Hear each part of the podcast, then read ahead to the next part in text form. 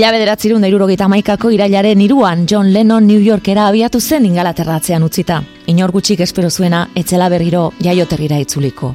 Kontua da, estatu batuetako gobernua behin da berriz alegin duzela, Lennonen bisadoa atzera botatzen eta erresidentzia kentzen ere saiatu zirela inbatetan, beraz, ez zuen inolaz ere, estatu batuetatik atera nahi. New Yorken oso gustora aurkitzen zen gainera, Beatleseko kidezeneko presio hori gabe, eta bertan geratzea erabaki zuen.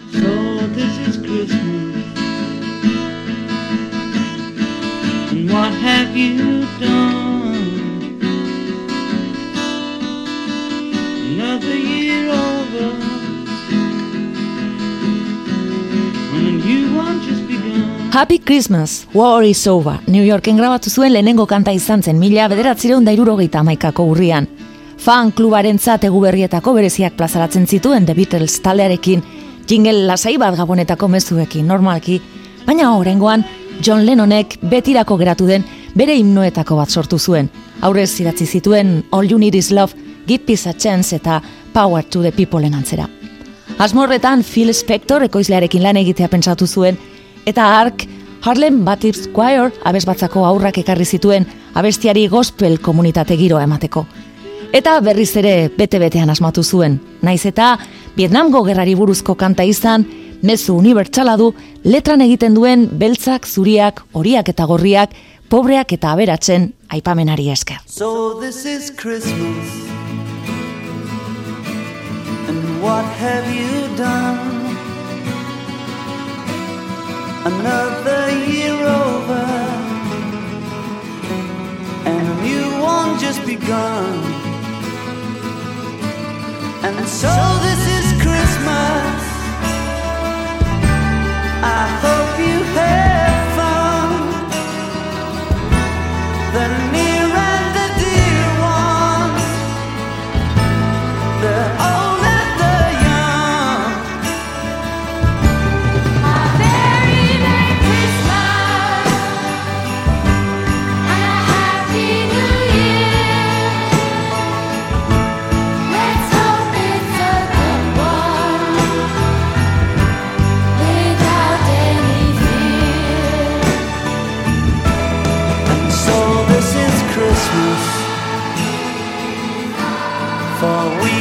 and strong.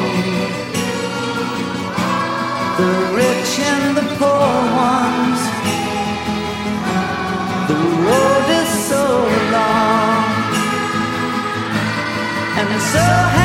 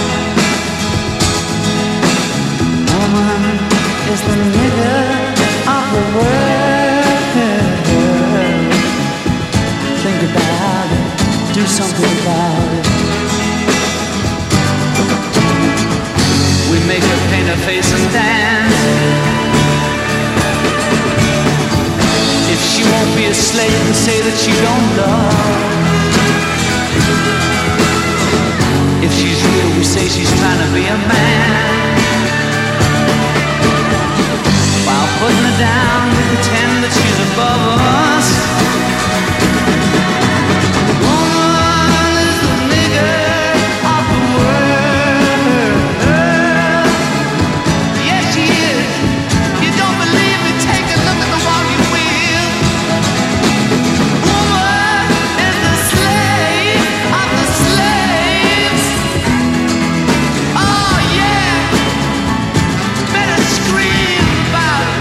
New York iriko giroan sartzean, Lenonek gertuagotik ezagutu zuen pentsamendu feminista eta jakina arlo honetan bere emaztea izan zuen bide lagun. Joko honorena da Woman is the Nigger of the World abestiaren letra. Emakumearen bigarren mailako papera salatzen du, tituluan dion bezala beltzek izan dutena. Izan ere, Joko kezin zituen ulertu jonen ohitura matxistak, zertan izan behar zuen beti egunkaria irakurtzen lehena adibidez. Zenbait feministek kantak erakusten zuen emakumearen aulezia eta jarrera pasiboa salatu zuten, eta bestetik irratian zentsuratu izan zen nigar hitza erabiltzeagatik.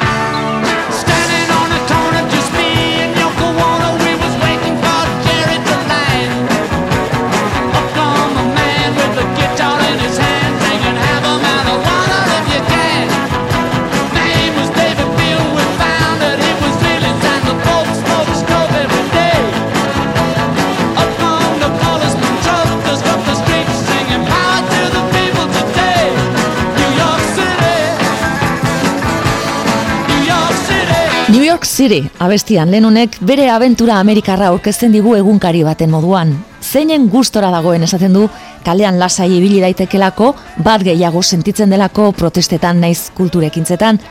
New York iriari egiten dion omenaldia da, ere moduan bihotzetik eta rokukituz. Eskertua eman dion aukeragatik.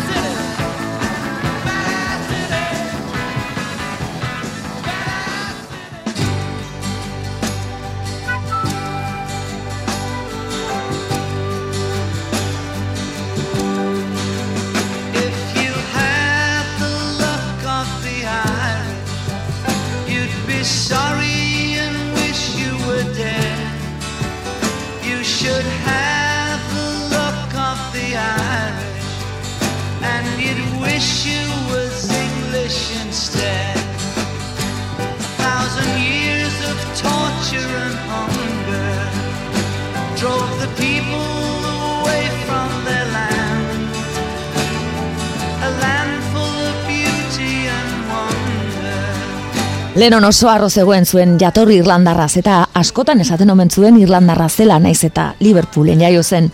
Derri iriko igande odoltsuaren gainean bi kanta idatzi zituen, rock estiloan Sunday Bloody Sunday eta The Lack of the Irish Folk doinuz. John Lennonen ametsa Irlandan erretiratzea zen eta mila bederatzirun da irurogeita zazpian County Mayo eskualdean dagoen Dorin Ish izeneko guarte txiki bat erosi zuen. John hiltzean joko honok saldu zuena, baina oraindik ere Beetle Island izenez ezagutzen dutena bertakoek.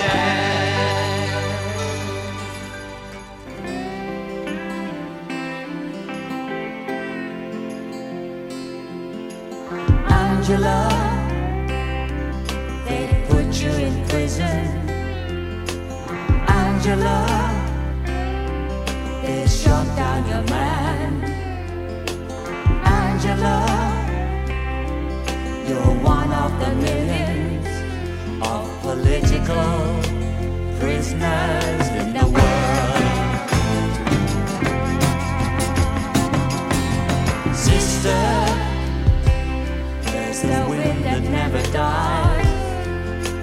Sister, we're breathing together. Sister, our love and hopes forever keep on moving, oh so slowly.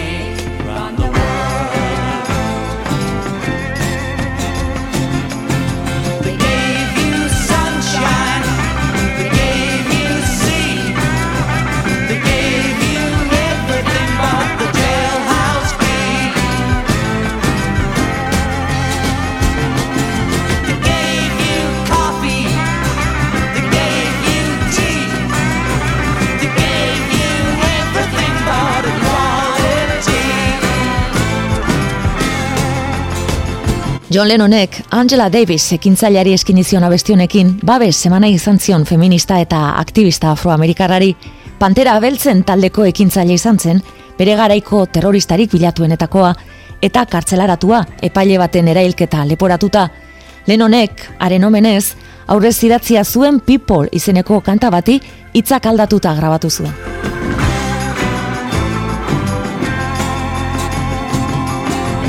Angela they put you in prison. Angela, they shot down your man. Angela, you're one of the millions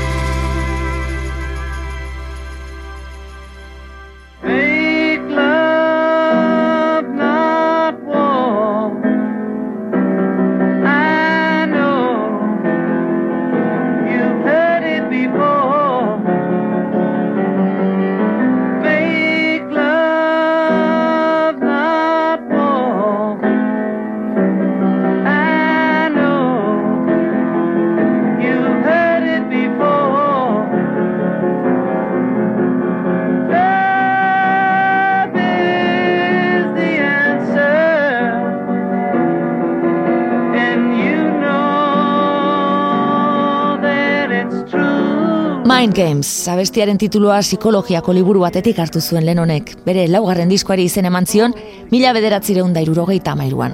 Bere kantarik ez ezagunenetakoa da, hasiera batean beste izenburu bat izan behar zuena, Make Love, Not War, eta aldaketarik egin ezpalu gauzak beste erabatekoak izango ziren segurazki.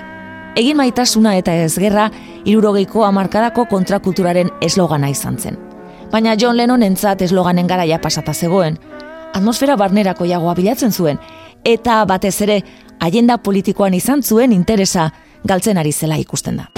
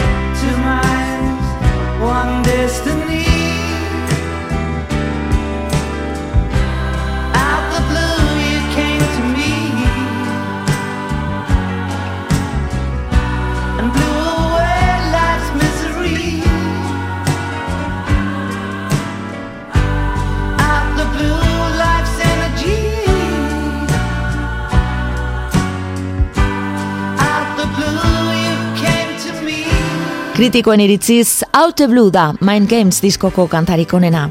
baladak abesten zeinen ona zen erakusten du bere abesteko era bereziarekin, koru zerutiarrez lagunduta, bizitza guztian bere burua rock egile gogor moduan ikusi bazuen ere. Joko eta abien artean gauzak etzeuden ondo, Jonek New Yorketik Kaliforniara alde egin zuen beste emakume batekin, eta ma bostila bete egin zituen etxetik kanpo. Naiz eta Lennonek garrantziak enduz gara joni, The Lost Weekend deitu zion. Out Blurekin eskerrak ematen dizkio jokori, bere bizitzan ezer ezetik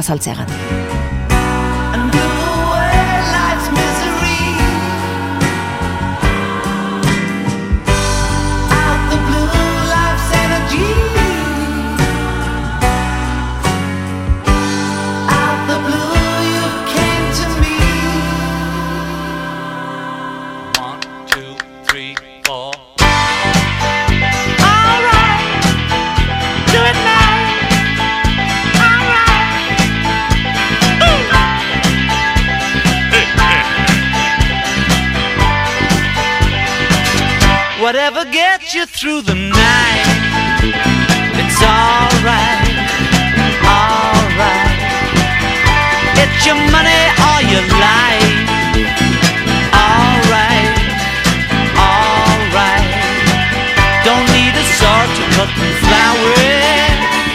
Oh no, oh no. Whatever gets you through your life,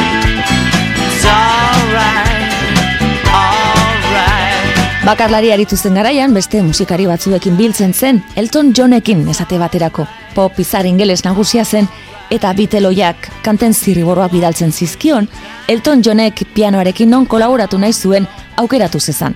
Eta bere harridurarako, Whatever Gets You Through the Night aukeratu zuen.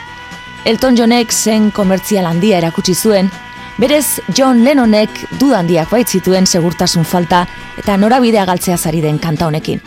Kontua kontu lehen honek ezagutu zuen lehen top Amerikarra izan zen eta bizi zen bitartean Ameriketan izan zuen zerrenda buru bakarra. Lenon eta biak batera entzungo ditugu jarraian, izan ere apustu bat egin zuten eta lehenengo postura iritsi ezkero kontzertu bat eman behar zuten. Mila bederatziron derurogeita malauko azaroaren amaseian Billboardeko gailurrera iritsi zirenez, hilorren nogita sortzian, Madison Square Gardenen abestu zuten. We thought we'd make tonight a little bit of a joyous occasion uh, by inviting someone up with us onto stage. And uh, I'm sure he will be no stranger to anybody in the audience when I say it's our great privilege and your great privilege to see and hear Mr. John Lennon. Here we go then. One, two, 这最好了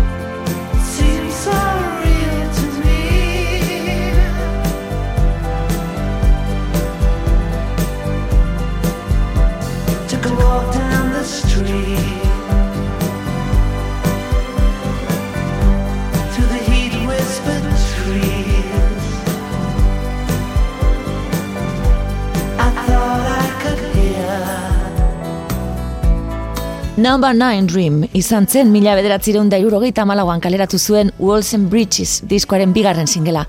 Lehen honek bederatzi zenbakiarekin zuen obsesio erakusten du.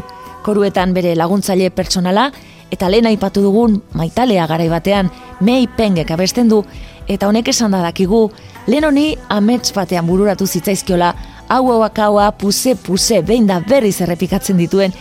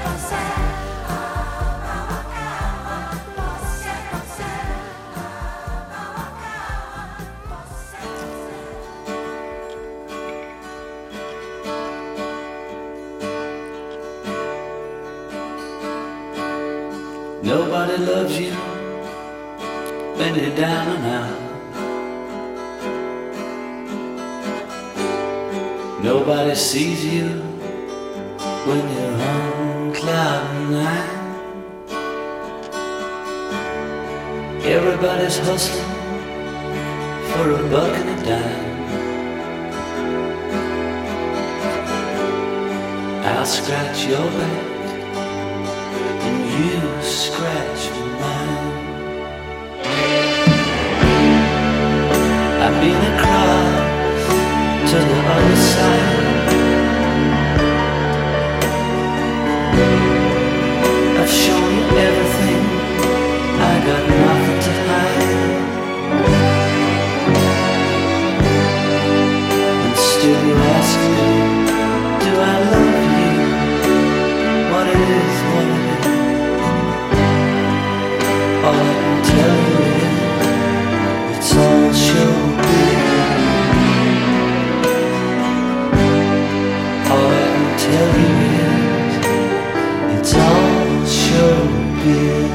Blues moduko balada izugarri honen tituluak ederki erakusten digu bere egoera personala zeintzen. Nobody loves you when you're down and out. Inorketzaitu maite lur jota zaudenean eta egunean ez zaude. Lenon emazteaz bananduta zegoen eta bere karrera unerik okerrenean eta bere ezagututa kanta honetan kontatzen duena benetan sentitzen duena ala ez. Ez dugu dudainarriko. Well,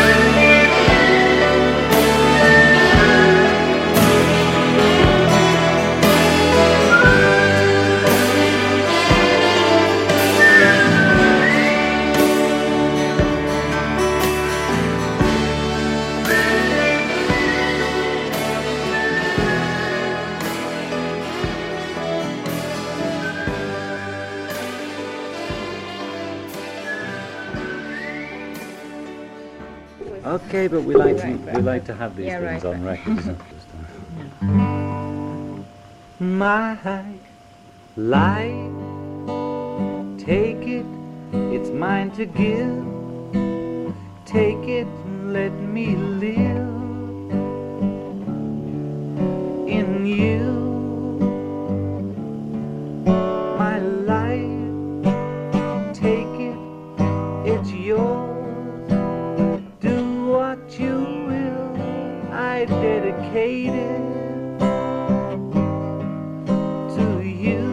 Madison Square Gardeneko kontzertuan jokorekin bildu zen, emezortzi hilabeteren ondoren aurreneko aldiz, gure banantzea porrota izan da esan zuen, eta handik bederatzi hilabetera jaio zen Sean, elkarrekin izan zuten seme bakarra. Azken bost urte horiek, etxean eman zituen jonek, famili giroan, bere bizitzan lehen aldiz, aitaren paperean, eta ez zuen ezer grabatzeko astirik hartu. Edo zen modutan, mila bederatzirundan lauro gehian, jokok bultzatuta, Lenonek Bermudara bilabeteko bidai bat egin zuen, eta kanta konposatzeko gogoa piztu zitzaion berriro. Ondartzan eguzki hartzen zuela, hogeita bost kanta idatzi zituen, eta hoiekin osatu zuen bere azken lana.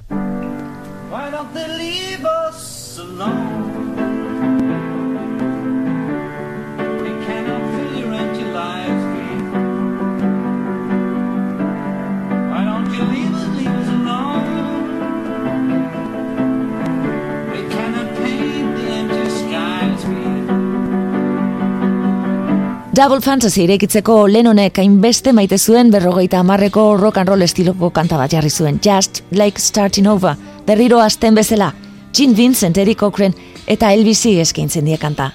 Beste zenbaitetan egin zuen moduan, bukatu gabeko hiru abestiekin osatu zuen, My Life izeneko asarreran, Don't Be Crazy erdiko zatian, eta The Worst is Over estribiloan. Hiru kantak batu zituenean, sintetizadore batekin demo bat grabatu zuen. It's been too long since we took the time. No one's to blame. I know time flies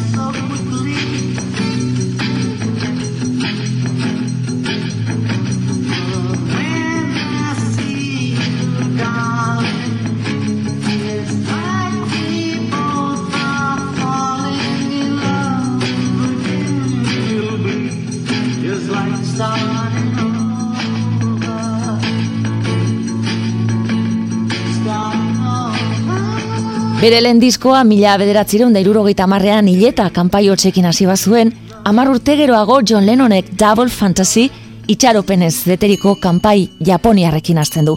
Joko honorekin zuen harremana bizi berritu nahian. Our life together is so precious Together we have grown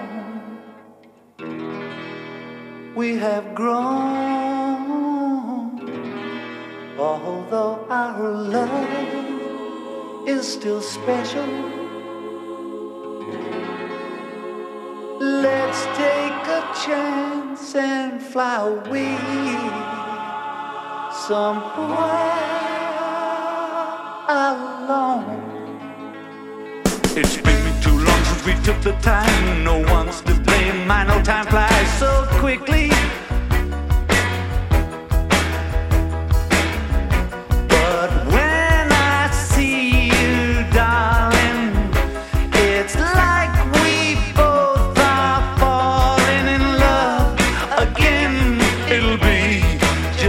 starting over.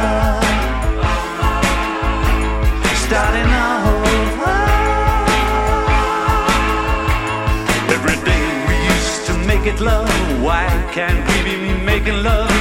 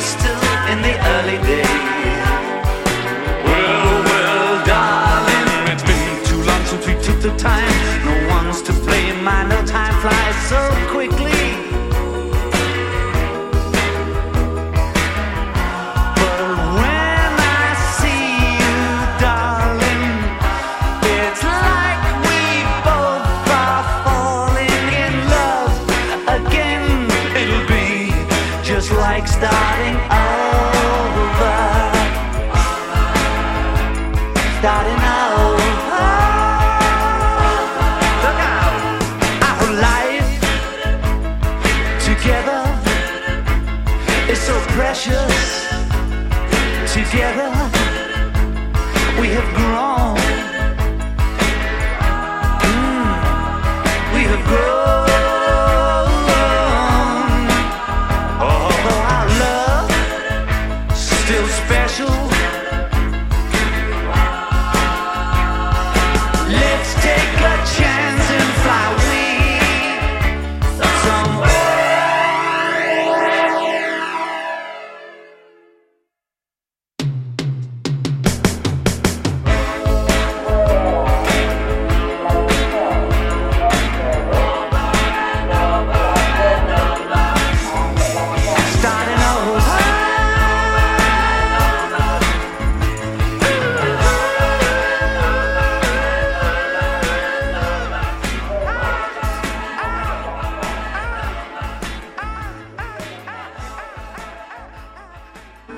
any problems? Just take it easy. The rhythm is. Bere buruarekin hobeto sentitzen zen, eta etorkizunaren aurrean itxaropentsu ikusten da. John Lennonentzat Seanen jaiotza izan zen mila bederatzirun erurogeita magosteko gertakizunik handiena, bere egun berean sortu zen gainera, urriaren bederatzian, eta egutegi txinatarrean, urria bederatzi garren hilabetea dela kontuan hartzen badugu, egunik perfektuena zen Lennonek bederatzi zenbakiarekin zuen obsesiora itzulita. Joko karazo handiak izanak zituen aurdun geratzeko, eta Johnek uste zuen bere drogozaletasuna zer ikusia zuela. Bizimodu garbia egiten hasi ziren, dieta makrobiotiko eta akupunturaz lagunduta.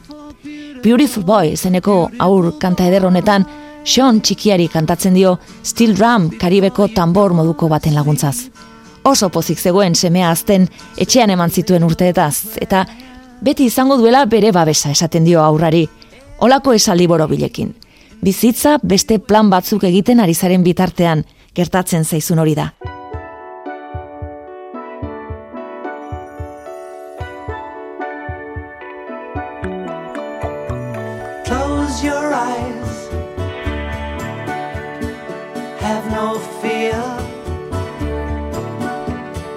Monster's gone.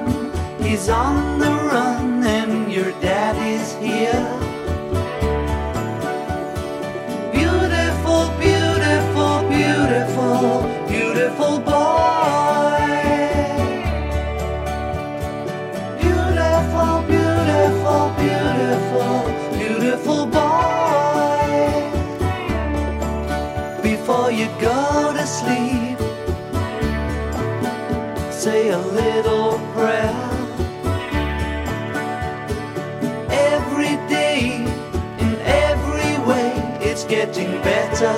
better.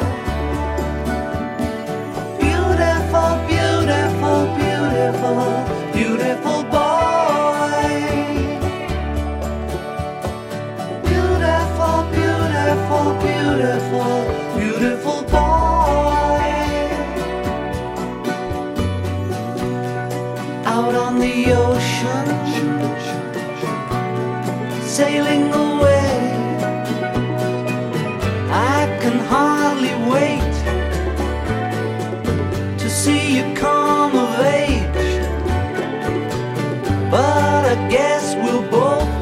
have to be patient. Cause it's a long way to go. A hard road to hoe. Yes, it's a long way to go. But in the meantime, before you cross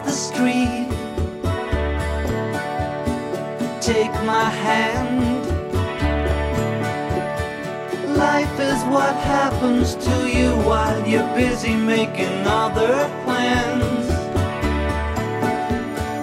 Beautiful, beautiful, beautiful,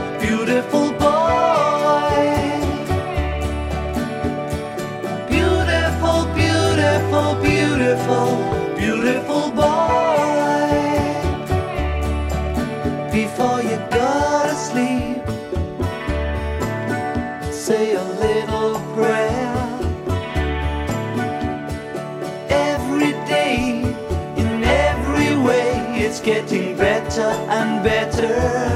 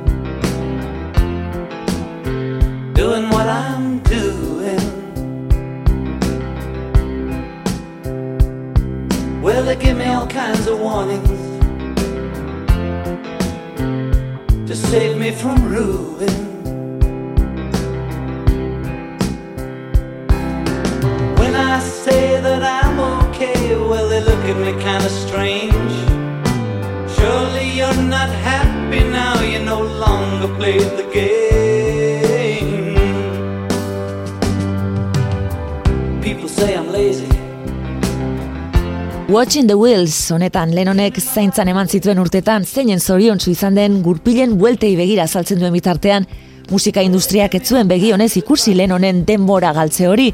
Mick Jaggerrek esaterako familia izateak musika sortzen jarraitzen behartzen zuela botazion. Era honetako kritikak eta jarraitzaileen protestak etzitzaizkion bat ere baina etzen giro izan. The New Musical Express aldizkariak lerro buruan John Lennon non de Montrez zaude argitaratu zuen. Eta zein izan zen John Lennonen erantzuna? Ni gustora nago pareteko itzalei begira.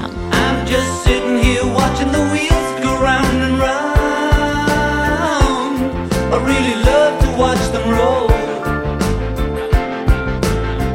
No longer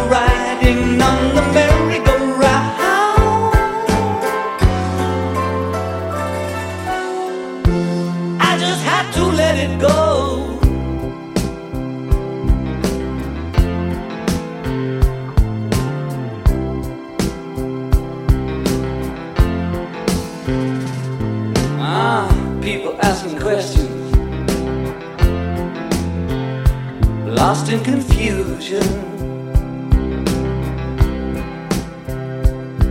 Well, I tell them there's no problem. Only solutions. Well, they shake their heads and they look at me as if I've lost my mind. I tell them there's no hurry, I'm just sitting here doing time.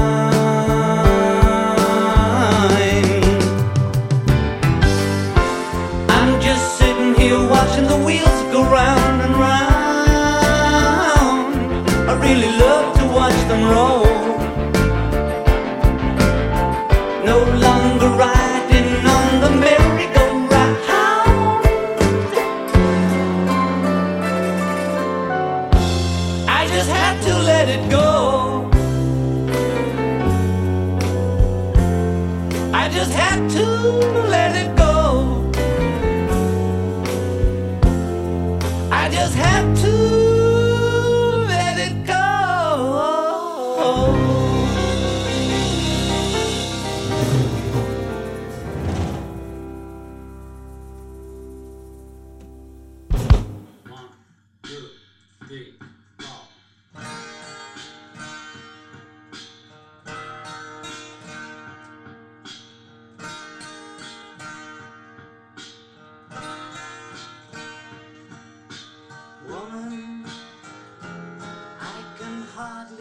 Lenonek maitasun kanta asko idatzi zizkion jokori, baina woman berezia izan zen. Berari eta emakume guztioi eskenia da, kanta hau zure amarentzat, zure arrebarentzat edo edo zein andrerentza da, dio.